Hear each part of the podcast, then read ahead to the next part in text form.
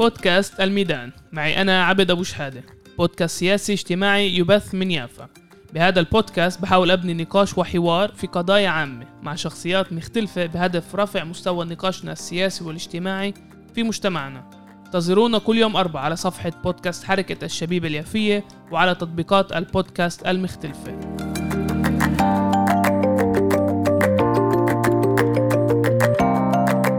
تحياتي للجميع لكمان حلقة. برنامج الميدان لحركة الشبيبة اليافية أنا عبد أبو شحادة وهاي المرة ضيفنا صديق عزيز الصحفي المبدع وائل عواد. شكرا عزيزي عبد.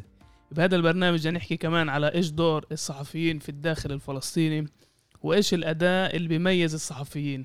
وأنا الصراحة من متابعين وائل لي فترة بسبب الأداء الساتيري فاولا شكرا إنه قبلت تيجي على البرنامج شكرا. على الدعوة لك عزيزي عبد وللجمعيه وهذا شرف عظيم إلي انكم دعيتوني واخترتوني اليوم. شكرا. تسلم عزيزي. فبدي أبلش معك من الأول وائل. إيش بيميز الصحف... الصحافة عندنا في الداخل؟ وهل الصحفيين عندنا بيلعبوا دور؟ عشان يعني بقول لك إياها بصراحة أنا بتابعك على الفيسبوك وبتابع تأثير البوستات اللي أنت بتكتبها على القيادات السياسية. أنت بتكتب كثير على القائمة المشتركة مش بس. بس بتشوف كمان إيش كيف تفاعل اعضاء البرلمان أعضاء القائمة المشتركة مع البوستات اللي أنت بتكتبها. هل بيطلع يعني يعني في عدة أسئلة منها إيش دور الصحفيين ومنها كمان إيش بعد التأثير الصحفيين على القيادات السياسية. إيه، اولا بفكر بإنه الصحافة هي مش بس نقل الأخبار. هذا موضوع كان قديم انتهينا منه خلصناه وخصوصا مع انتشار ال social media أي شخص ممكن يكون حد أهم حدث معاه تليفون بصور بنقل وبيطلع مباشر وكأنه أكبر وكالة أنباء عالمية كانت قبل كم سنة. فبالتالي دور الصحفي تغير تماما. دور الصحفي اليوم عليه أن يضع موقف. وأنا بفكر إنه الصحفي بدون موقف هو مراسل وأفضل مراسل بتقديري لا يستطيع أن يكون مؤثر دون أن يكون رأيه. تعرف هاي ضد يعني دائما متوقع من الصحافة إنه ما يكون لهاش موقف أو الصحفيين ما يكون همش موقف ويحاولوا يعكسوا الصورة بشكل نزيه بشكل اللي ما بيعكس على موقف. انت بتيجي بتقول لا بالعكس لازم يكون عندك موقف. كصحفي وتكون صريح مع الموقف. طلع مدرسة الحياد والموضوعية اللي بتحكي عنها في الإعلام هي مدرسة فيها عدة وجهات نظر.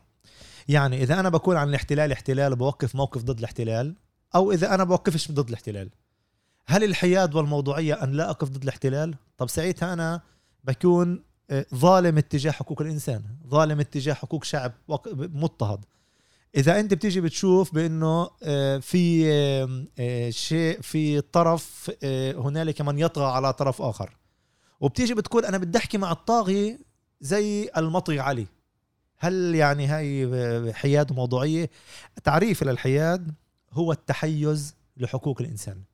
وهو التحيز اتجاه المظلوم ضد الظالم وهو التحيز للواقع تحت, تحت الاحتلال. هذا الوقوف على جنب فيش شو اسمه موقف توقف على جنب. توقف على جنب هو موقف محايد اتجاه وهو موقف داعم للظالم وللطرف الأقوى. فأنا يعني في عدة تعريفات لهذا الموضوع. أنا أفكر بأنه الموضوع التعريف الأنسب لإلي. على الأقل بما أنه قدري أن أخلق في هذا المكان في هذا الزمان بهذه الهوية علي أن أتبنى هذا التعريف للحياد والموضوعية وأنا لا أخبئ ذلك ولا أخجل منه. بالنسبة للسؤال موضوع دور الصحفي أيضا أن ينقل المعلومة وأن لا يخاف أن ينقل المعلومة وأن يتجرأ بأن يكتب وأن يعرف الناس ما لا يريد الآخر أن يصبح أو تصبح معلومة معروفة. في حالة لعبة شطرنج بينك وبين اللي قدامك هو بده يكشف أوراق ويخبيها للأوراق الثانية وأنت وظيفتك تكشف كل الأوراق. ولا مرة ممكن تلاقي صحفي هو صديق للسياسيين كل الوقت ولا معادي لهم كل الوقت. يجب أن نصل إلى مرحلة نقتنع فيها بأنه هذا الجدل هذا إنه مرة غضبانين مرة رضيانين مرة بدك تقتنع إنه هاي هي طبيعة العلاقة. إذا دائما بيكونوا ضدك لازم تسأل حالك ما بينفعش كمان تقول والله الشجرة المثمرة يمليها لا مرات أنت عن جد مش نافع. يعني أنا مش دائما الواحد لازم يكون واثق بنفسه بدون سبب. بس من جهة ثانية إذا دائما راضيين عنك في مشكلة. هنا السؤال الأخطر حسب رأيي. لازم تسأل وين أنا مقصر تجاه شعبي تنو دائما اللي قدامي راضيين عني. بس بنبه كمان يعني شغلة ثانية الشغلة الأولى على الموقف والش- والشجاعة كمان. قبل 30 سنة كنت بقول لك إنه أو قبل 40 سنة بزمن الحكم العسكري قبل ال 67 بالفعل إذا كنت بدك تكون صحفي وكنت بدك تاخذ موقف واضح ضد إسرائيل ضد الاحتلال ممكن المخابرات تعتق لك. كانوا في حالات كانوا يعذبوا الناس على موقف أو مقال اللي كتبوه بجريدة, بجريدة الاتحاد. اليوم الوضع يختلف. اليوم اللي بخوف بطلت المؤسسة من ناحية بز- للصحفي للصحفيين من ت- تدفيع الثمن على الموقف اليوم أصبحت المؤسسات الجريمة. وأنا يعني في سؤال جوهري يعني ليش لأي بعد بتفكر إحنا لازم نكون مستعدين ومش بس كصحفي كمان كقيادات سياسية؟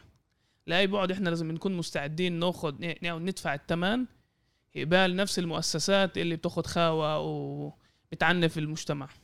يعني هل بكل ثمن؟ طالع في ده سؤال مهم ودائما يعني أسأله. إذا بنراجع التاريخ الفلسطيني المؤسسة لم تقتل بسبب الكلمة سوى غسان كنفاني عندما اغتالته في بيروت مع مع بنت شقيقه واغتيال ناجل علي. في في في لندن عندما كان ذهب لتسليم ال- الكاريكاتير الأخيرة هل وارد أن تشعر بخطر أمني على شخصك بسبب تحقيقات أو بسبب موقف سياسي هذا وارد ولكنه ليس أكثر بكثير في هذا الوطن من أن تصاب برصاصة طائشة وانت قاعد. بساحه البيت. هذا خيار. هذا خيار. انت بدك تختار يا بتفوت يا بتفوتش. يا بتقرر بإنه أنا هذه الطريق سأسلكها أو لا. وبديش هسه اعمل حالي يعني رامبو مش شكلك يا سات ولكن أنا أشعر بإنه الناس معي في كتير مرات. لما سوينا تحقيق وكر الشياطين إذا بتذكر قبل حوالي سنة وقبل كم شهر تحقيق ثاني تحقيق آه، ال- ال- الجليل الجديد في في البرازيل مجموعة من عندنا راحت على البرازيل. فالكل كان اللي بتساوي تحقيق وكر الشياطين وانت بتحكي عن حوالي تقريبا 200 واحد وانت من الناصرة والتحقيق في الناصرة وأي يوم انت ماشي البلد قاعد تاكل فلافل ممكن هذا الشخص يكون حدك. وهدول بيامنوا إيمانيات بإنه عندهم يمكن يكون مفهوم موازي لمفهوم الشهادة عندنا فبتخافش من هذا طلع الجواب بتقديري لا لأنه بالآخر غالبية الناس بحسها معي. بحس هذا الدفء الاجتماعي اللي بخليك تكون تتجرأ بأنك تساوي هاي الأشياء. وكمان بدك تآمن إنه يعني ربنا سبحانه وتعالى هو الذي وضع الروح وهو الذي الوحيد الذي يأذن بأن تؤخذ. هل وصلني تهديد مباشر مرة؟ وصلني في بداية تجهيز لتحقيق صحفي عن إحدى الجمعيات وسأستأنف ذلك بأنه فكر أنه ممكن تساوي عنه. تحقيق وصلني بشكل مبطن جدا وجاوبت عليه بشكل حاد جدا وفظ. آه، ولكن طبعا لم يثنيني عن شيء. في فيما تبقى من حالات صدقا بقول لا لم يصلني ولا مرة سوى مرة واحدة. قلت لك عنها بايخة وتافهة وتعاملت معها بالمستوى الذي يتلائم مع التهديد اللي بعده. بتتوقع يجي؟ كل شيء وارد مبدئيا ولكن آه، بقدر أتعامل بعتقد اني بقدر أتعامل مع الأشياء عندما تصل. وعلى فكرة واحدة من الأشياء اللي بنشتغلها في التحقيق واللي الناس بيشوفوهاش بالتحقيق هي موضوع بأنه أنا كمان جزء من التحقيق بدي أعرف مع مين عم بتعامل وشو الإمكانيات المتاحة. هذا مش عشان تخليك تخاف عشان تخليك تعمل الحسابات اللازمة عشان مم. تعملها. آه، وطبعا أنا عم بحكي هناك على التحقيقات الصحفية أكثر بشكل عيني ولكن بالموقف السياسي بهددوش. آه بزعل منك بكشر بوجهك بعمل لك شوية بلوكات آه، بيجي بقول هذا صحفي هذا وين مهنيته أبصر إيش هاي هاي النظريات يعني. هي بالأساس اللي بتطلع ولكن ما بتطلع آه، على مستوى التهديد المباشر على الأقل ما مركتش معي. وعلى فكرة إذا بتشوف صفحة الفيسبوك عندي فيها من كل الاحزاب ومرات كمان نشطاء ومرات موظفين من كل الأحزاب. ولم أشهد حتى الآن بأنه شتيمة لا سمح الله أو هجوم. بسمعوا. بيعجبني أو بيعجبهنش مرات بحطوا ضد وبخلي التعليقات اللي ضد ما ما زالت في الهي وأنا مش متعنت في رأيي. يعني أنا أصيب وأخطئ العادي. يعني هل ممكن مرة يكون في عندي موقف اكتشف لاحقا إنه كان موقف خاطئ؟ آه طبعا. تعرف آه، بلاش تحكي عليها بالأول. اللي بيميزك من باقي الصحفيين هو نمط الساتيرة بالبوستات على الفيسبوك. وكتير مرات بكون قاعد مع أصدقاء بقول لهم يعني بصير نناقش إيش كتب وائل. هلأ مرات ما كنتش موافق معك بس بقول يا زلمة شوف إيش كتب وائل. ليش بي... ليش بيكتب بهاي الطريقة؟ واللي بحب فيه كمان بتصلح غلطتك. يعني إذا بتشوف حالك إنه أنت غلطت يعني مستعد تصلح. بس هل بتشوف إنه الساتيرة هي اداء مميز اللي بيخلي الناس والله تفكر على يعني على موقف أو على على طريقة النقاش بحد ذاته ولا يعني عشان شوي نطقس نحسن شوي المزاج؟ طيب أسوأ نوع يكتب ضد شخص هي ال סאטירה. وأسوأ شيء يرسم ضد شخص هو الكاريكاتير. هن ولا يعني مقرب لبعض الكاريكاتير وال סאטירה. لأنه هذا بسموه ال סאטירה اللي, اللي بيعرفش معناها للي قاعد للي عم بيسمع. هي النقد الساخر. بسموه الكوميديا السوداء بسموه ضحك كالبكاء وهو أعنف شيء ممكن يتساوى والخطر فيه أنه لا يبدو كذلك. هو يبدو إشي وكأنه بيبدو وكأنه شيء بضحك وكأنه شيء هو بضحك وكأنه شيء يرسم الابتسامة فقط وهو لكن هو ليس كذلك. بالمقابل بأنك تيجي تقعد تكتب مقال من 300 كلمة عمود أو من 1500 كلمة مقال طويل وبأنك تكتب ست سبع كلمات بسموه السهل الممتنع إنه اللي هو نظ... ظاهريا هو ينتكتبه ولكن في حقيقة الأمر مش هو ينتكتبه. خطر لأنه صعب صعب تسب عليه. لأنه الناس تتقبلش الهجوم على هذا النوع من الكتابة لأنه موقف لذيذ خلانا نبتسم مالك معصب بس هو في حقيقة الأمر مبلا بعصب. هذا جانب. والجانب الثاني إنه اللي قدامك يا بيكتب قدامك ستيرة عقبال ستيرة. يا بضطر يسكت وقلال اللي بيقدروا يكتبوا ستيره فبالتالي هو نوع آه، بدي أستعمل كلمة سلاح في التعبير عن الرأي وبإنه بفضفض مرات واحد بيجي بيقول لي يا أخي ليش بتلزق في موضوع طويل؟ مثلا التوصية على جانز صرت كاتب 60 بوست ستيره بالتوصية على جانز ما زهقتش؟ عبد مرات أنا بيكون هدفي فعلا بنوصل رسالة مرات بيكون هدفي أفضفض بيكون هدفي مغلول من شغلي وبدي أكتب عنها وبدي أشوف الناس تفاعلوا معي عشان أحس حالي حرفيا إني فشيت غلي في الموضوع. إيه ومرات بستخدم الستيرة عشان أمسك موضوع معين أخليه على الأجندة. يعني مثلا خلاف داخل قائمه المشتركه مثلا محي مدينة الناصر بلديه الناصري لجدارية النكبة للمرة العاشرة في سوق الناصري. إيه، أو قضايا أخرى. إيه، قضايا خدمات بلدية قضايا تعامل مدرسي قضايا تصرفات أيوب القرة قضايا شو اسمه هذا المغني هذا اللي بده يتحدى نتنياهو هذا تبع نسيت شو اسمه. اللي قال أتحداك يا نتنياهو عشان إيش اسمه. هنا بيكون الهدف تبعي إنه أمسك هذا الموضوع وأحط كيف يعني على الأجندة اليومية للناس إنه هذا موضوع مهم الآن يجب أن يناقش. قضية تصويت قسم من أعضاء الكنيست على 500 شيكل ضمن مو ضمن إضافية للجنود.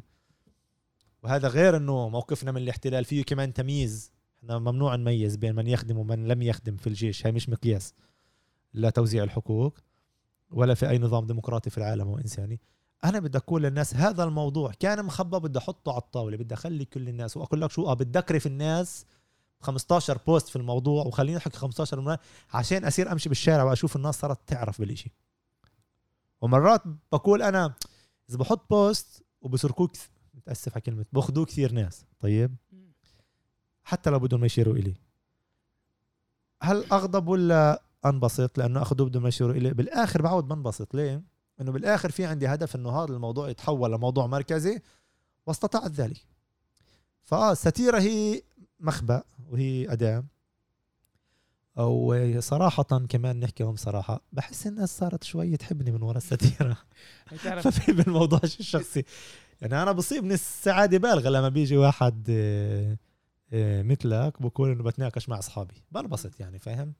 ولا أخبئ الشعور أحيانا بالسعادة الداخلية أو بشيء من الغرور بإنه بشوف إنه في ناس بعرفهم مش وبالذات لما يكونوا أشخاص مثقفين ناس مناح على مستوى جيد بصيروا يناقشوا الموضوع مع أو ضد أو بيضحكوا عليه أو هيك. بترك بيعمل لي شيء حلو. إلا إيش أخبي؟ تعرف وائل كل موضوع السطيرة بذكر المدرسة. لما كنت تمسك راس حدا أو حدا يمسك راس عليك ويقعد يطقس وانت بتتضايق انه يعني وين لوين رايحين؟ وإذا بتتعصبن بتخسر. اللي بيجي بيقولوا لك يا مالك بنمزح معك لو انت رايح يعني. يعني دائما تقدر تاخذ الخطوة هاي وإذا بتضلك ساكت رح يضلهم يتقصوا عليك. بس اليوم يعني بالطريقة اللي انت بتستعملها صارت جذابة للناس. يعني نوعا ما العمل السياسي والنقاش السياسي صلحني اذا أنا غلطان بطل له محل بال كيف أوصفها؟ بال زي يعني في في المواقع التقليدية آه، عرب 48 بكرة بانت وغيرهم اللي أوكي هناك ممكن تلاقي نقاش سياسي ممكن يعني يكتبوا مقالات على مستوى بس بال ال social media غالبية الناس صارت تتجنب الموضوع صار النقاش أكثر على أشياء يومية أو إذا بيناقشوا قضايا سياسية بيصير نقاش على مستوى محلي. يعني القضية أو النقاش القطري أو النقاش السياسي القطري بيضعف والمحلي بيقوى وال סאטירה بتصير وكأنه أداة إنه توصل لجميع الناس. يعني حتى لو يعني كثير مرات بقرأ لك بوستات عشان بدي أضحك يعني إنه حتى أنا بكون عارف إيش قصدك وبكون حاكيين عليها قبل بس لسه بقولهم بشوفوا كيف إيش كتب هاي المرة. وموضوع اللي بنكون إحنا عارفينه وحكينا عليه قبل. بس هي الأداء بتصفي إنه الناس بدها تفوت كمان يعني بدها تضحك عن طريق القضية اللي أنت طرحتها. تعرف تصديقا لكلامك صديق أول شيء على الإطراء. يعني بارك الله فيك. إيه لما باجي مرات بطلع على نوعية الناس اللي تفاعلت. بنبسط جدا لما بشوف طالب صف عاشر عم بضحك على البوست السياسي م. وبروفيسور ومساعد عضو كنيسة وعضو كنيسة ومدير جمعية أو محاضرة بسروين فلما بشوف نوعية الناس إنه هالقد مختلطة وهالقد آه، إنه قدرت تصل للجميع بهاي الطريقة آه، واليوم إحنا إذا بنيجي على الجيل الصغير الجيل شوي صغير بلشان في التيك توك وفي الإنستغرام وفي مش موجود على الفيسبوك. آه، مش موجود على الفيسبوك وكمان تعود بده معلومة سريعة وبده معلومة خفيفة وبده فيديو نغش وبده إشي حلو. إذا بتيجي بتقول له خذ هذا المقال أو تعال أشرح لك هذا الموقف بقول لك فك عني لأنه أصلا واحدة من مساوئ ال social media عم ناخذ تاخذنا نحو التسطيح الأشياء السطحية بدون تعمق بدون ما نعرف أكثر من اللازم. فمرات بتيجي أنت بتساوي سلسلة بوستات على قضية معينة في في סאטירה أو في صور أو في مرات في גרפיקה.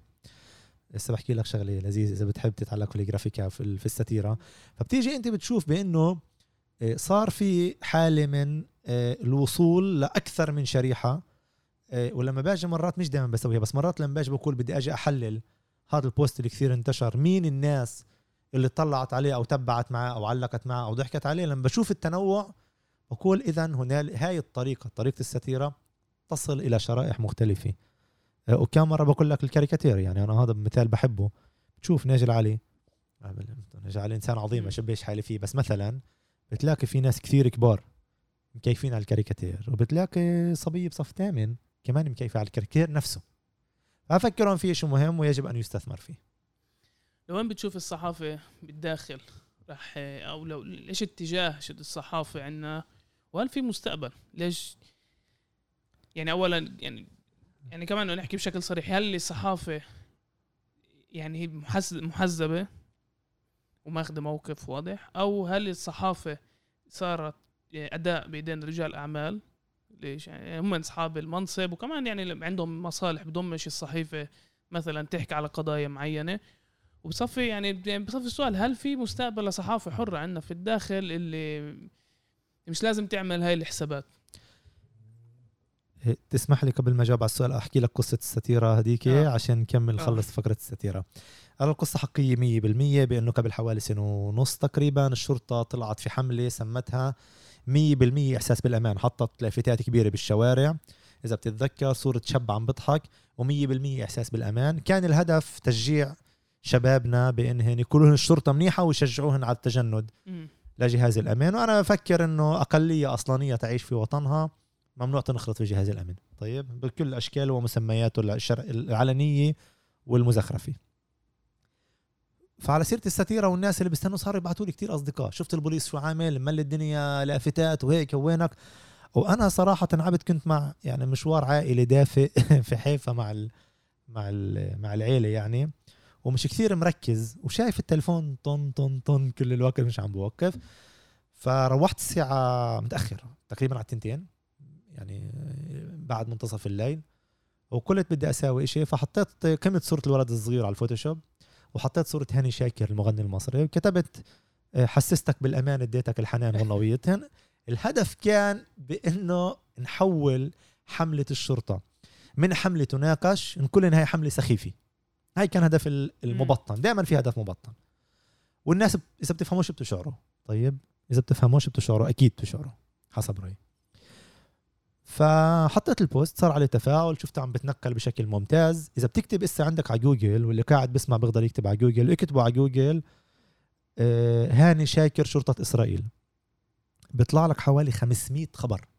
500 يعني مش في عندك جوجل بيطلع لك 15 احتمال بعدين تحت صفحة 2 3 4 5 بتضلك تمشي تمشي تمشي. تنك تصل حوالي 500 خبر. هاني شاكر وشرطة إسرائيل هاني شاكر يقاضي شرطة إسرائيل. اللي صار أن تستطلع إحدى الزميلات بتقول لي وائل هاني شاكر قدم شكوى في الشر... في الشرطة المصرية آه، على أساس ال post تبعك. فأنا بالأول ما صدقتش إنه يعني منين شافوا أصلا يعني هاني شاكر. بعرفش الطريقة اللي وصلوا بس كتب بإنه طلع بيان نقابة الفنانين المصريين وتحول النقاش من حملة الشرطة لا هاني شاكر وإيش ومسموح يسرقوا كلمات ومش مسموح يسرقوا كلمات وكل القصة. أنا حطيت شفت إنه الأهرام كاتبة اليوم السابع كاتبة بعدين ال MBC كتبت بعدين عملوا مقابلات في الراديوهات مع هاني شاكر بعدين حتى واينت وإنرجي كتبوا الصحافة العبري العب- العبرية العربية. فتحت أنا أنا مش قصدي أنا ب... عم بمزح. يعني حكولتك حكولتك ليش زعلت؟ قاعد بمزح. وشفت إنه الأمور يعني قلقت. لوهل إن الأمور طلعت عن السيطرة. فحكيت مع مجموعة أصدقاء وأنا بحكي مع أحد ال- المحاميين بقول له اسمع عم بصير معي هيك هيك فإذا تم اعتقالي حضر لي حالك تيجي عشان تفهم القصة من إسا يعني شو عم بصير اتصل لي هناك اتصلت لي وحدة ناطقة فوق اسم الشرطة. قلت له اسمع هدول شكلهم عرفوا الجماعة وأنا هسه برجع لك شوي. ردت بتقول لي كيفك وائل؟ بقول لها اهلين بعرفها أنا من الصحافة المؤتمرات اللي كانت الجنائية اللي بتصير في مركز الشرطة. بتقول لي شفت عندك بوست على الفيسبوك بالموضوع؟ بقول لها طيب. بتحكي لي مين ال آه، شو رأيك في هاي القضية؟ قلت لها "مم، סאטירה وهيك. و- ليه بتقولي لأنه إحنا بدناش هذا اللافته وبدنا نعرف وين موجودة وبدنا نروح نقيمها وهي ما كانتش ضمن الحملة وأنا مش عارف كيف بيصير شيء مثل هيك. كان يوم سبت بتقول لي عم بتصل بمكتب الإعلانات مسكرين. بقول لها لا لا هاي فوتوشوب هاي סאטירה סאטירה هاي. بتقول لا لا بعثوا لي صورة شفتها. بقول لها آه آه مزبوط هاي الصورة فوتوشوب بتقول لي متأكد؟ بقول لها متأكد. بتقول لي متأكد؟ بقول لها بعرف مين سواها. قالت لي مين؟ قلت لها لا بقدرش أنا أقول لك مين هو والله. بقول لها بقدرش أحكي لك بقدرش أفتح عليه. هذا زلمة محترم وأنا بفسدش عليه. فقالت لي طيب اسمع أنا حضرت بيان. عن الموضوع لأنه الدنيا قايمة قاعدة. بنفع تشوفوا إنه هي طلعت الصبية بتراقب الفيسبوك عندي تاعت البوليس. فبنفع تشوفه وتقول لي رأيك. قلت لها آه بنفع بعطيها أشوف. بعت أجيت محيته وكتبت أنا بيان من عندي بيان شرطة. كتبت هناك إنه الشرطة ضد العنف ومش عارف إيش وخريف وندعو القيادة العربية أن تتعاون مع الشرطة ضد العنف والدوينه هاي. وكتبت هناك بالنسبة للهاي للصورة اللي طلعت. هاي آه، بالتلاعب عن طريق الحاسوب وجزء من السخرية الصحفية. وننظر إلى ذلك في عين حرية التعبير عن الرأي. خم أنا قاعد بكتب بيان شو دافع عن حالي خلص. ونشروه بعد شوي في كل وسائل الاعلام بهاي الطريقة وشكرتني على البيان المحترم. فرجع لي الشاب المحامي اللي هو كمان سياسي بقول لي شو صار معك؟ بقول له هيك هيك بقول له شو بدها؟ قلت له مفكر ال post صح ومش عارف إيش. وصلحته كتبت واحد اثنين ثلاثة. بقول له عن جد تحكي؟ بقول له والله. قال لي يعني المجرم كتب بيان الشرطة كمان. بقول له آه. بس وقتها انبسطت بإنه ال post وصل لكل محل خرب الحملة تاعت الشرطة وصل رسالتنا إحنا. حملة كان محطوط حوالي 600 شيء 600 لافتة في كل البلاد مع- مدفوع عليها مئات آلاف الشواكل بوست واحد لأنه فيه ستيرة وهون الإبداع بغلب حسب. رأيي المال. وهل هذا هذا مستقبل الصحافة عندنا إنه الإبداع إنه يتحدى بين إذا كانت حملة الشرطة أو الجيش أو أي شيء تاني. في مسؤولية على الصحف على الصح على الصح على الصحفي الحر اللي مش منتمي ل حزب أو مجموعة معينة. طول هو في عندنا صحفيين مناح وفي زملاء ممتازين أكيد، الصراحة أكيد، أكيد. ورائعين وبيشتغلوا شغل يعني في منهم حتى أنشط مني بكثير. مرات بيكون في نقاط تماس بتطلع وين موجودين. بستحي أنا قاعد في المكتب أو في البيت وهن موجودين في نقطة تماس كثير مهمة فيعطينا ألف عافية. وغالبية أصدقائي واسترشد بعملهم الكثير من المرات. آه، إحنا كشعب شعب مثقف. لسه إحنا موجودين في يافا التي لنا وأنا فخور إنه عم بتحدث هذا الكلام في يافا التي لنا مع شاب أصله جذوره يافويه وفي يافا كان يطلع تقريبا 30 صحيفة قبل النكبة وعشية النكبة كانوا 11 صحيفة. في كل الجليل كان يطلع صحيفة الكرمل فقط فإحنا شعب مثقف. في يافا كان في ثمان مسارح وكان في ثمان دور سينما وإم كلثوم أجت مرتين غنت. في يافا وغيره. فإحنا شعب مثقف انضربنا في النكبة. والضرب صار للمدينة الفلسطينية. وهذا بترك أثره على كل المشروع الثقافي. بالإضافة بأنه صار في التغير في التوجه صار في الأدبيات. اللي انشهرت لاحقا هي أدبيات المقاومة. وتفيك تفيك زياد محمود درويش و وأفكار أخرى وفرقة العاشقين وهيك. فهي على المستوى الثقافي. على المستوى الصحافي نحن بحاجه إلى ترتيب البيت الداخلي على الآخر. وجود مواقع الإنترنت ضربت الصحافة ورجعتها إلى الخلف. إذا بتروح إسا على المكتبات على جامعة حيفا على قفعات حبيبة على اليوم مركز مهم جدا بيت الذاكرة والتراث في الناصري مسؤول عنه أستاذ بروفيسور مصطفى كبهه بتروح هناك بتطلع على الأرشيف الفلسطيني عبد في سنوات من العشرين حتى النكبة في صحف بتشوف صحيفة الوطن صحيفة الأيام اللي كانت تصدر صحيفة الكرمل صحيفة الاتحاد. بتحس تاريخ بتحس صحافة محترمة. بتحس إشي عليه القيمة بتحس في إيش تقرأ بتحس هم شعب موجود هناك. بتحس الحياد والموضوعية بأن تنحاز اللي حكينا عنه في النقطة الأولى لقضايا شعبك. إيه هذا بتشوفه هناك وبتزعل كيف تحولنا لصحافة تفاحة مكتوب عليها لفظ الجلالي؟ وكيف تحولنا لصحافة أفعى موجودة؟ هي أهم صحافة موجودة أو أكثر صحافة منتشرة عندنا اليوم. وكيف تحولنا لصحافة مقابلات ولا سؤال فيها صعب؟ هاي جزء من آثار النكبة علينا. هاي جزء من اللخة الاقتصادية الموجودة. وهي جزء كمان إنه صحافتنا ما تطورت بما يتلائم. هذا البرودكاست الوحيد الموجود الجدي خلينا أقول وإن شاء الله بتطور هذا المشروع في الصحافة الموجودة هون. اليوم الصحافة وافقت بأنها تكون جزء من الخبر السريع والصورة السريعة آه، وهذا ببشرش خير. بس أنا بفكر إذا كان في مشروع صحفي وطني جدي بأن يرتقي الإعلام في الداخل رح يظبط كل شيء. رح يظبط كل شيء لأنه وجه. وجه الحضارة في في الشعوب هو الإعلام. إذا بدك تروح على بلد وبعدك تعرفش الناس انزل اشتري الجرايد اللي تحت وروح اقراهم تقدر تعرف شو في شو شو في نوعية الناس كيف بيفكروا الناس سخف ولا جديين مثقفين شو هموم الناس. إذا بتعمل search في جوجل قبل ما تسافر على بلد وبتشوف الكلمات اللي بتطلع وبتشوف بتقرأ موقعين ثلاثة عندهم شو بيساووا بتقدر تفهم عقلية الناس. إذا واحد بدور علينا بالإعلام من الخارج على العرب 48 العرب الأصلانيين في وطنهم أنا بخاف من شو راح يشوف. يعني أول شيء يعني بوافق معك وشكرا على تعليقك على المشروع. يعني هلا كمان بدي احكي شوي عليك كيف وين بشوفه بال يعني بندمج بالمشروع الثقافي؟ في عن المشروع الثقافي عندنا في الداخل وليش مهم لنا كمان إنه يكون من يافا؟ كمان يعني بالإضافة للي حكيته وائل عدة مرات دعوني على التلفزيون بين إذا كان آه، قناة عبرية أو عربية. وشفت نفس الإشي بالطريقة وكمان بالراديو نفس المشكلة. بالطريقة كيف بديروا الحلقة. بدعوك تحكي على إشي صار جدا مهم بيافا صار في مظاهرة واعتقالات وسكرنا الشارع. كون قدامك ساعة تايمر خمس دقايق بعدوا انت عندك خمس دقايق تحاور لقبالك ترد على أسئلة وبخمس دقايق بدك تشرح كل إشي بعدين في الدعايات وبعدين بينقلوا للأيتم اللي وراه تفهم إنه مش بس المشكلة بالصحافة في مشكلة جوهرية بالتلفزيون في مشكلة جوهرية بنقل المعلومات ومش بس عندنا يعني أنت بتشوفها كمان بالصحافة الأجنبية. إنه كأنه بخمس دقائق أو حتى يعني بالصحافة الكبيرة بالقناة يعني بالجزيره وغيرها اللي الناس بتحترم حالها وصحفيين وقت حالهم يعني بيجي بيجيبوا لك أربعة على panel أو ثلاثة على panel وكل واحد بعطوه شيء نص دقيقة دقيقة ياخذ موقف يشرح وبعدين بينقلوا لل item اللي وراه. وفيش وقت تتعمق بالفكرة فيش وقت تفهم إيش بيصير وليش صار. وأنا بقول لك يعني من تجربة من تجربتي بالمجلس البلدي أي قرار صغير وائل عشان تفهمه بس تفهمه بدك ساعات. أي قرار. هلا مس على سبيل المثال بلدية تل أبيب قرر في نقاش هلا بلدية تل أبيب يافا على أساس هلا بشارع النزهة جدروت إذا رح يمشوا سيارات أو لا مش رح يمشوا السيارات بعد ما يخلصوا يحضروا للقطار.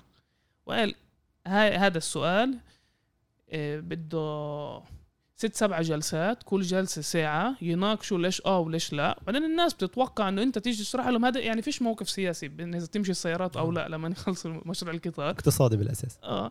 حتى حتى مش اقتصادي مش مشكلة اقتصادية. مشكلة كيف يعني يعني هي بترجع على كيف أنت بدك المدينة تنبني.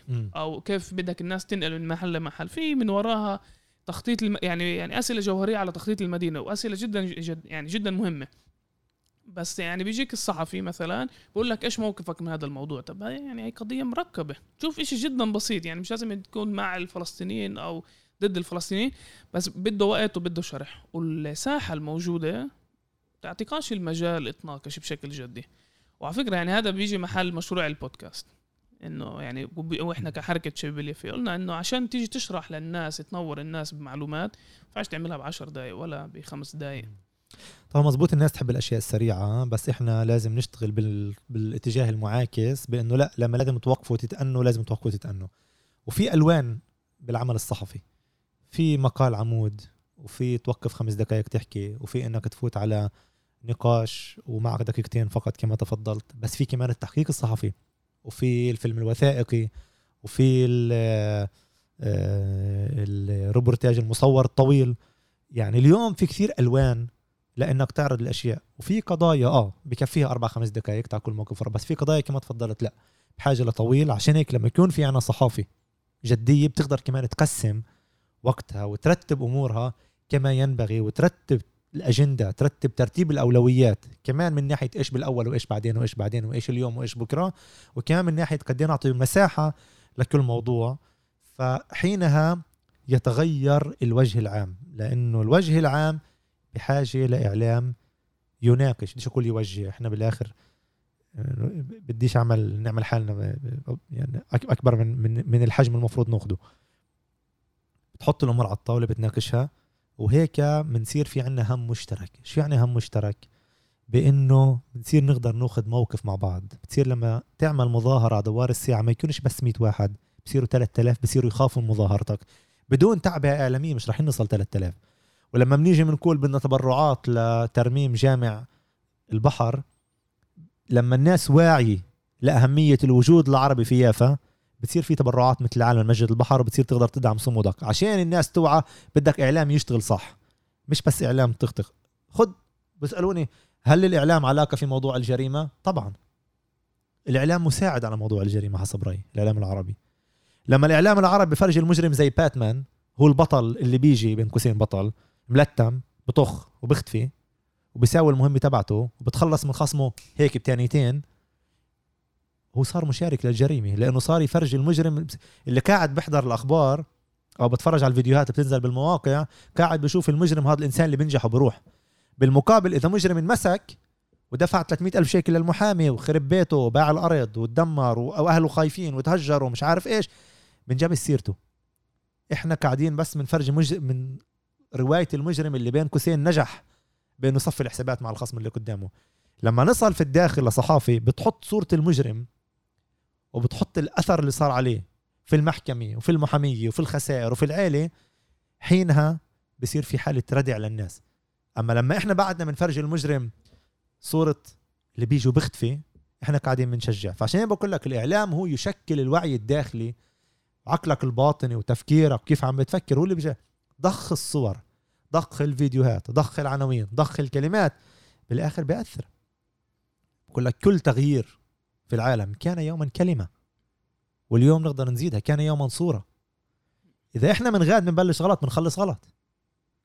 تعرف وائل ذكرتني إما- مرة محامي حكى لي إياها. بقول لي عبد لما أنت بتحضر هلا أخبار قناة يعني 10 13 ولا 12 وبيجيبوا لك تقرير على شي عائلة مجرمين آه، يهود.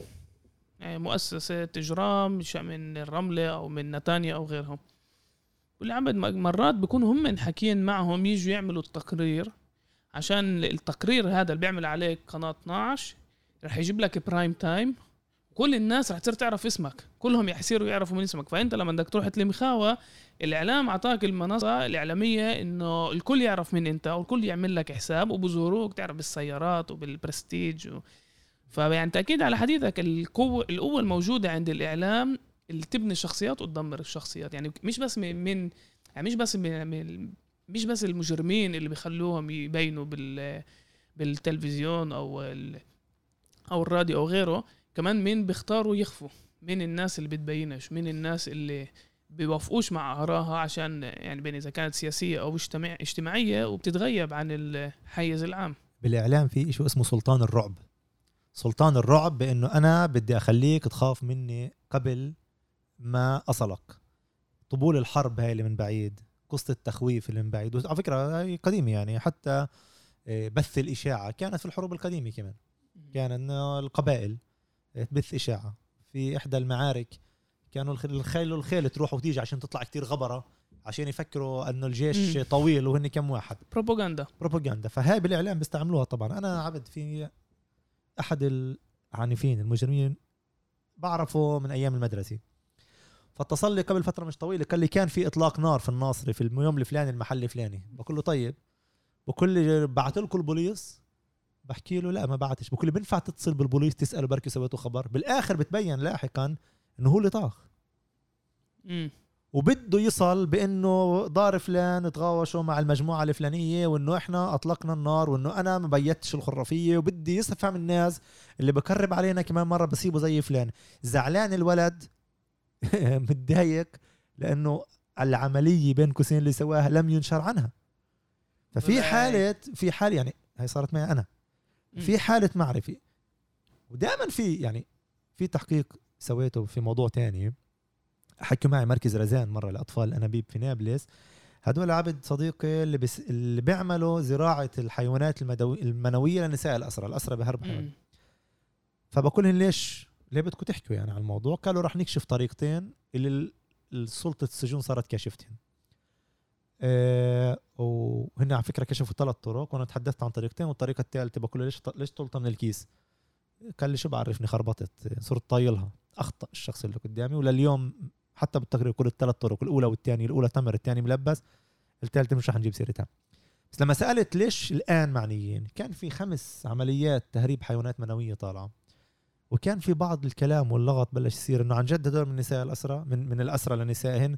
زي لا سمح الله في حالة تشكيك من نساء مجاهدات بطلات من شعبنا. بيستنوا زواجن برا. وكتبوا على نفسهم هاي العيشة بعيدا عن ازواجهم عشان عشان عشان الوطن. فقالوا لي بدنا الإعلام عشان يوضح للناس هاي الصورة وبدنا عشان نقدر نفهم الناس إنه في شيء حقيقي وانتشر التقرير. فمرات هاي أداة الإعلام أداة يا بتستغلها لهيك يا لهيك وأنا أفكر بإنه في حاجة ماسة وبدعو هنا في هذا البرنامج. لجنة المتابعة كونها هي جسم الرسم الممثل إنها تعمل اجتماعات شبه دورية مع وسائل الاعلام لكي نضع خطوط عريضة كيف نتصرف كإعلام إيه، وطني. عربي فلسطيني داخل دولة إسرائيل.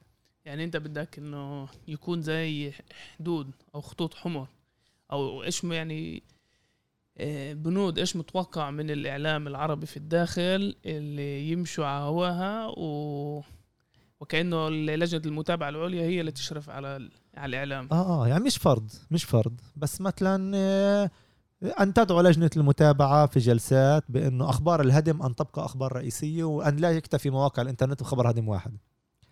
أن نعرض قضايا العنف من كلش قام مجهول إنما قام أحد المجرمين. نتفق على بعض الكلمات نتفق على على بعض الخطوط العريضة. شباب بدنا تعبئة جيدة للشارع من بداية شهر عشرة لآخر شهر عشرة آه، آه، من من من بداية شهر تسعة لآخر شهر تسعة عشان بأول عشرة نقدر نحيي هبة القدس والأقصى بشكل محترم. آه، بدنا تعبئة في يوم الأرض هذا العام تحديدا لأنه في مصادرة أراضي في منطقة كذا وكذا. أنا بفكر طول ما إحنا ك وغالبية الصحفيين الناس طيبين ووطنيين يعني. مم. بس لما بصير هاي الجلسات أنا بفكر رايحين نرتقي آه، ورايحين نصير نقدر نتعامل مع قضايانا الكبيرة بشكل محترم أكثر أنت يعني أنت من شغلك مع المواقع ومع الصحفيين أنت بتفكر في أمل آه، يوافقوا على هيك شيء؟ إذا آه، انشغل بالشيء بالشكل الصح في أمل كبير. وأيضا زي ما رأس المال وأنت تحدثت خلال حديثك على موضوع العلاقة بين رأس المال والسلطة والإعلام ودائما في مصلحة لرأس المال بالهدوء في الشارع وفي مصلحة ل آه، للسلطة بأنها تكون قريب من رأس المال. ولرأس المال هنالك سلطة على الإعلام كما تفضلت قبل في بداية الحديث في الإعلانات وفي تقسيم كعك الإعلانات. أنا بفكر بأنه من يأخذ إعلانات بمليون شيكل من القائمة المشتركة في الانتخابات لحالها هنالك حق لشعبنا عليه بأن يجلس معه وبأن يتحدث معه. حتى اللي بدوش آه هذا الشخص اللي بيجيب مشاهدات عالية جدا آه آه وبيعمل من وراها مصاري في مقابلات وفي تغطية أخبار وفي تغطية أحداث وبأخذ من قيادات شعبنا الحضن الدافئ. في حق لشعبنا عليه بإنه يتحدث وبإنه يرفع على الأجندة بإنه يتحدث. وإذا بدوش هاي صفحة الفيسبوك تبعتي موجودة. تعال لحظة أنت حكيت شغلة جدا مهمة وائل إنه في موقع اللي أخذ مليون شيكل من القائمة المشتركة بفترة الانتخابات. وهذا يعني يعني أنت قلته كخبر عام يعني مار هيك. بس هي شغلة جدا مهمة. يعني إذا في هيك إشي إنه فترة الانتخابات تحكي على هيك مبالغ ف يعني هاي أسئلة جوهرية بالنسبة للقائمة المشتركة وبالنسبة للميزانيات وبالنسبة لوين بتروح وكيف ال... وإيش علاقة المواقع مع بعض القيادات السياسية اللي بتمرق هاي الميزانيات. هات احكي لك. كل راتب لعضو كنيسته حوالي 35 ألف شيكل طيب؟ كل عضو كنيسة بيطلع له سيارة وبعبي بنزين على حساب الدولة طيب؟ كل واحد مش مش بس القام علاش كل واو والله مكيفين. عادي كل عضو كنيسة باخذ هيك. عربي يهودي بطيخة باخذ هيك. بالإضافة لذلك بيطلع له ثلاث مساعدين معدل بين 10 ل 12 ألف شيكل راتب المساعد الواحد حسب قديش أقدميته هناك. بالإضافة لذلك بأخذ كل عضو كنيسة كمان 80 ألف شيكل بالشهر بروحوا للحزب. ماشي؟ عشان هيك مرات الأحزاب آه، صارت مرة معانا عشان تعرفوا بأنه أحد الأحزاب أراد الترشح مقابل القائمة المشتركة فرفضت القائمة المشتركة حاولت تمنعه. فقال لهم طيب العضو الفلاني بترشحونه بالحزب عندي عشان ياخذ الوحدة التمويلية تبعته ال 80 ألف شيكل. فهمت الفكرة؟ مم. يعني في عضو كنيسة من الحركة الإسلامية كان مسجل مع مرة الحركة الحزب ال- آه، الديمقراطي العربي عشان الميزانية تروح لهناك عشان ما يعملوش قائمة هناك. طيب؟ الناس تعرفش باقي التفاصيل. بالإضافة لذلك في الانتخابات بالإضافة لكل اللي قلته في الانتخابات بيطلع لكل عضو كنيسة مليون و300 ألف شيكل. عليه أن يصرفهم بالانتخابات وإلا سيعيد الباقي للدولة لازم يصرفهم كلهم بالانتخابات. يعني بالقائمة المشتركة عندنا 15 اضرب واحد 15 في واحد نقطة ثلاثة. بتحكي عن تقريبا 20 مليون شيكل يجب أن يصرفوا على الانتخابات. أنا بقول لك يعني في مرات الأحزاب تستأجر مقر لسنة وبتستفيد منه كل الفترة من هاي الميزانية. بس باقي المصاري بروحوا إعلانات بروحوا حملات انتخابية بروحوا كراسي استئجار الكراسي بروحوا يوم الانتخابات بروحوا بنزين بروحوا نشطاء بروحوا أشياء مث... أشياء ثانية. كعكة الإعلانات تقسم بين إعلان رسمي إعلان آه، وبين آه، أقلام مبدعين وناس تكتب لهن حوالي 15 20 واحد بيكون ومونتاج ولافتات في الشوارع وال social media. فهل في آه، آه، بالانتخابتين الأخرانيات مواقع اللي أخذت هاي المبالغ طبعا أخذت هاي المبالغ وفي مواقع بتأخذ مليون شيكل تقريبا وبتأخذ أكثر طلع لي اشتغل انتخابات؟ كمان أنا يعني يعني رشحت حالي للمجلس البلدي ويعني يعني مرقوا علي هاي الميزانيات ومرقوا علي كمان المواقع ويعني عادي. يعني هذا مش إشي يعني كل الأحزاب هاي هيك هيك بتصرفوا الأحزاب هيك الكامبين مكلفه بتكلف كتير مصاري. بس أنا يعني السؤال جدي جاي إنه هل في علاقة بين أو في مصلحة بين موقع معين موقع X وعضو برلمان Y اللي أنا بدعمك بفترة الانتخاب أنا يعني بشتري campaign عندك بفترة الانتخابات بمليون شيكل كيف ما حكيت. بس الشغل بضلش بس فترة الانتخابات.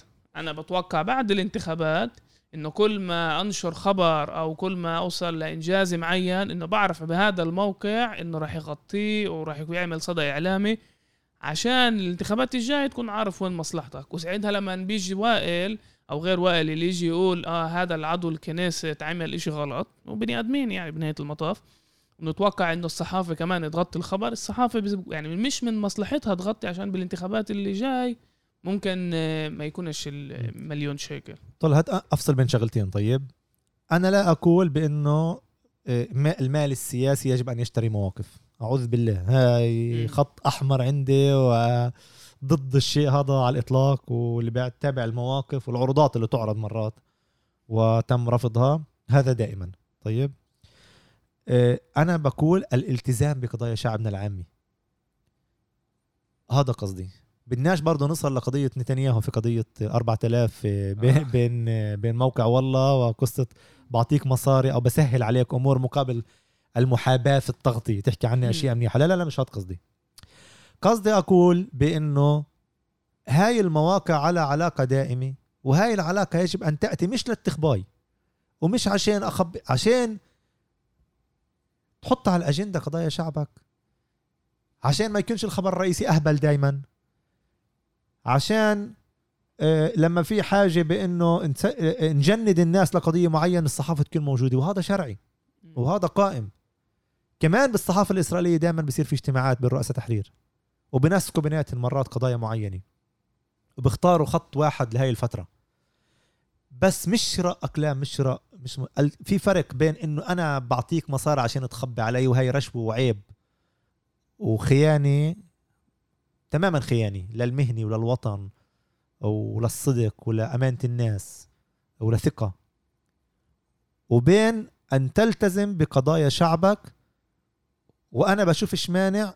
استخدام العلاقات اللي بتتعلق كمان في الإعلانات من أجل استخ... من أجل الالتزام في قضايا شعبنا. عشان هيك بتشوفش ولا مرة جريدة مستوطنين تتعاون معنا لأنه هاي جزء من التزامها في قضاياها وفي أفكارها. إيه، بفصل بين الشغلتين على الآخر هدول شغلتين بيشبهوش بعض بقربوش لبعض. الأولى إنك تشتري أقلام وتشتري ناس وتخبي وتضب معلومات. أنا أصنفها في خانة الخيانة. الثانية أنا بصنفها في خانة الالتزام في قضايا الشعب والاهتمام بالناس. وصحافي فقط تنقل أخبار هاي مش صحافي. هاي ماسح ضوئي هيك من بعيد. بتحط فيه صورة وبتطلع من الجهة الثانية هاي مش صحافي. الصحافي مش بس نقل أخبار. ودائما في نقاش. الصحافية تصنع الخبر ولا تنقل الخبر. والله إذا الصحافي بس تنقل الخبر بس بنيجي بنخرف كيف وقف ولاد يافا في الدفاع عن مقبرة الإسعاف. تنقل الخبر هي أيضا تجند الناس إلى جانب شباب يافا عندما يدافعون عن مقبرة الإسعاف. تعرف ليش أنا بطمن من ال يعني بطمن منك ومن البوستات اللي بتكتبها؟ بارك الله فيك. عشان بتطخ على الكل. يعني كل يوم يعني أنا بقول لك لا تكن عنصريا اكره, اكره الجميع. يعني بستغربش إنه اذا يعني أنا بقول لك إياها كابن التجمع والتجمع هذا البيت السياسي. بس بعرف إذا وائل كتب إشي على التجمع الوطني الديمقراطي أنا بعرف إنه وائل كاتبه من محل مسؤولية كمان تجاه. تجاه مشروع تجاه التجمع كمشروع سياسي. أو حتى لو كتب ضد آه، أعضاء البرلمان من التجمع أو الرموز للتجمع القيادات السياسية التاريخية. يعني بعرف وائل كتب من محل إنه لو هو حرصا على القيادات السياسية للتجمع أو حرصا على القيادات السياسية بالجبهة أو الحركة الإسلامية شكرا على وغيرها الثقة يا صديقي. فبس يعني بتتوقع إنه يعني كل ال يعني من اللي بياخذ المهنة بشكل بشكل جدي وم- ومحترم المهنة. يتصرف بيك مع بكل القضايا. يعني بينفعش نعمل نمرق لهم إياها من باب المسؤولية تجاههم قبل أي شيء وبتحس عشان العلاقات الشخصية وعشان مرات المصالح المشتركة بين المواقع أو بين الصحي بين الصحفي لبين القيادات السياسية في أشياء ممكن نحكي عليها وفي أشياء ممكن ممكن ما نحكيش عليها. و يعني بتحسها كمان خيانة تجاه مجتمعنا عشان إحنا بنهاية المطاف. بدنا نعرف إيش عن جد بيصير. بدنا نعرف إيش مصلحتنا. بدنا نعرف إيش يعني حتى لو غلطوا وطبيعي يعني أنت قبل قبل فترة كان كل موضوع ال קיזוז. مم. و كتبت عدة كتبت عدة بوستات. بفكر جزء منها كانت يعني قائمة أقوى فيها קיזוז أكتر. يعني شيء عبقري. بس بعدين طلعت post اللي بتقول أنا مش ضد القائمة المشتركة. فيش فيديو. آه إيه، فيديو آسف. أنا مش ضد القائمة المشتركة. وغلطوا الق- غل- القائمة المشتركة غلطت. طبيعي أو في أعضاء كنيسة من القائمة المشتركة اللي ما توجدوش وغلطوا. بس بنضلنا يعني يعني داعمين للقائمة المشتركة بتضلها تمثلنا القائمة المشتركة. بس أنت بتفكر إنه بتشوف إنه هاي البوستات وهاي تغطية الخبر بهاي الطريقة بفيد المشروع شل القائمة المشتركة؟ ولا على المدى البعيد رح يستعملوا البوستات تاع شيت وائل عواد مع إنه أنت ممكن تقول للناس يطلعوا انتخبوا وشاركوا بالانتخابات أو لا. ممكن يستعملوا يعني نفس البوستات عشان يضربوا القائمة المشتركة. طلع واحدة من الأسباب اللي خلتني أطلع الفيديو. أنا شفت إنه في صفحات لأحزاب صهيونية عم تساوي share لل post تبعي وكأنه للتشكيك في القائمة المشتركة. وأنا طلعت وضحت موقفي بشكل هيك بارز أكثر. على فكرة اتصلوا سبعة من 15 عضو كنيست يقولوا يعطيك العافية على ال post مش عارف إيش بالإضافة لمساعدين أعضاء كنيسة باقيين. وأنا بنبسط إنه بوست هالقد بيساوي لغط للسلبي للمبسوطين أو المش مبسوطين. ودائما بتصلوا دائما بشكل يومي يومي يعني في في علاقة مستمرة. آه، دائما ممكن الاستغلال بس أنا مش مع هاي اللهجة. مش وقته إسا ما تجيبش السيرة ضب الموضوع اخفي الموضوع. أنا أفكر بالذات بالسياسة. كل شيء بنحط تحت الطاولة لاحقا راح يكون له ريحة آه، سيئة وراح نتضرر منها. كل شيء بنحط فوق الطاولة بيصير. السؤال كيف بتحكيه وبأي مسؤولية بتحكيه؟ و آه، بفكر كمان بإنه آه، يعني توضيح الأمور دائما بشكل منطقي بشكل حاد ومنطقي حاد ومنطقي. طيب بالستيرة كمان هو بيساعد أعضاء الكنيسة. بقولوا لحظة شوي في إحنا مراقبين من الناس. إحنا قاعدين بنصلح لقدام. أنا بقول لك المرة الجاية مش رح يصير كيزوز على قصة على الشكل والمرة الجاية التوصية على جانس مش رح تصير نفس الصورة. والمرة الجاي البيان الجاي القائمة المشتركه رح يفكروا فيه كمان يعني على مش بس بسببي مش لا, لا أدعي ذلك أعوذ بالله. أنا جزء من من من حركة معينة يعني موجودة من مجموعة شباب عم تحكي وصبايا وصحفيين غيري. بس أنا بتفكر هل الضرر أكبر ولا الفائدة أكبر؟ أنا بفكر بإنه الفائدة أكبر إيه، نقاش الأشياء فائدته أكبر. وطلع فيش فراغ بالدنيا. إذا مش أنت بتحكي عن الموضوع بالآخر بده يجي حدا من حزب العمل يحكي عن الموضوع. وبدي يفكر حاله ماسك عليه ممسك هذاك الشخص اللي من غاد وإذا مش أنت بتيجي بتناقش إيه، قضايا شعبك فيش فراغ. دائما نيجي بنقول مثلا إذا بنحكيش في القضايا الوطنية شو بنصير؟ إذا نبطل فلسطينية شو بنصير؟ يهود. بنصيرش يهود؟ بنصير عائلات وطوائف وبنرجع لعصبيات قبلية. هون إذا بنسكت في هذا الموضوع شو بصير بموت الموضوع؟ لا بموتش الموضوع بعفن. فاهم فأنا أفكر بأنه لا يعني مرات بعرف بأنه في إحنا مرات بحاجة لمواجهات معينة. وقلت لك كمان عبد صديقي كيف بتعود الناس؟ إذا الناس بتعودوا إنه هاد بيكتب هيك وكيف انت قلت بأنه بيكتب في كل الاتجاهات بيستهدفش طرف في مرات بفترة زمنية معينة بنستهدف قضية معينة أو شخص معين بس بالمجمل ما تستهدفش لحاله. الناس يثقوا فيك الثقة أغلى شيء يا رجل. فأنا أفكر بإنه آه مزبوط في ناس ممكن تستغلها. وكيف أعطيناها هاي المادة؟ بنوقف قدامها بالمادة اللي وراها. نفهمها إنه لا مش هيك القصة.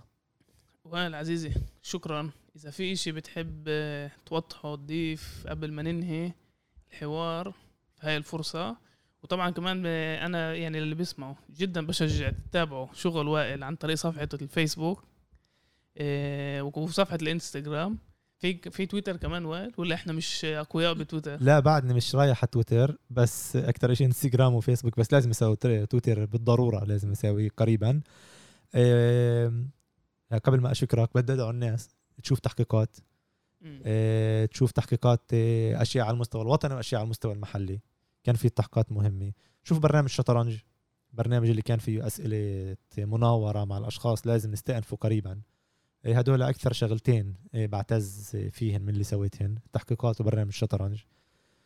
أه وشكرا على رأيك في الستيرة الموجودة وبعرف بأنه هذه قلت لك في البداية بأنه يجب أن نوافق مسبقا بأنه هاي العلاقة الجدلية دائمة.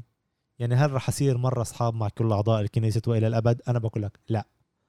هل رح أصل أفيق يوم ولا واحد يزعل هذاك النهار. أنا بفكر لا. آه، هل بكرهن؟ أعوذ بالله بالعكس. بحترمهن وبحبهن. غالبيتهن خلينا نقول. وشكرا على الدعوة وأنا سعيد بتواجدي واستمتعت بالحديث معك. وخصوصا بأنه في أحب بلد على قلبي في الوطن وهي يافا التي لنا وأكثر بلد تقول لك سر. لما بدي أكتب نص كتير كتير مهتم فيه. بدور السيارة من الناصرة وباجي بقعد ورا جامع البحر في يافا. بقولوا لكل شاعر هنالك جن لا. مش بيحكي يعني كانوا بالأدب القديم. فأنا بفكر بأنه الجن تبعي في الصحافة موجود في يافا وكل ما أجي ورا جامع البحر بيكون يستناني هناك وهناك بكتب. والله عن جد اللي بكتبه في المكتب في يومين هناك بكتبه في نصف ساعة فقط. فشكرا على الدعوة. وبتمنى للمشروع هذا يكمل ويكبر لأنه مهم. مهم لأنه مهم ومهم لأنه الطاقات الموجودة مهمة ومهم لأنه بيافا ومهم لأنه أنت بالصورة وشباب وصبايا مثلك بالصورة. والله يوفقكم وأنا في خدمتكم دائما و... وكانت مقابلة حسب رأيي لذيذة بعرف شو رأيك. وائل تسلم صديقي عن جد يعطيك العافية. وائل يعني اجى من الناصر عشان يعني عش يعني ما كان له شيء بيافا اجى خصوصا من الناصر ليافا مش مفهوم ضمنا. يعطيك مئة ألف عافية. ما تنسوش تعملوا لنا like share follow على ال social media فيسبوك انستغرام البودكاست هذا بش يعني كمان بشجعنا وكمان بيساعدنا بالمشروع. فشكرا لكم إذا سمعتونا لحد هلأ.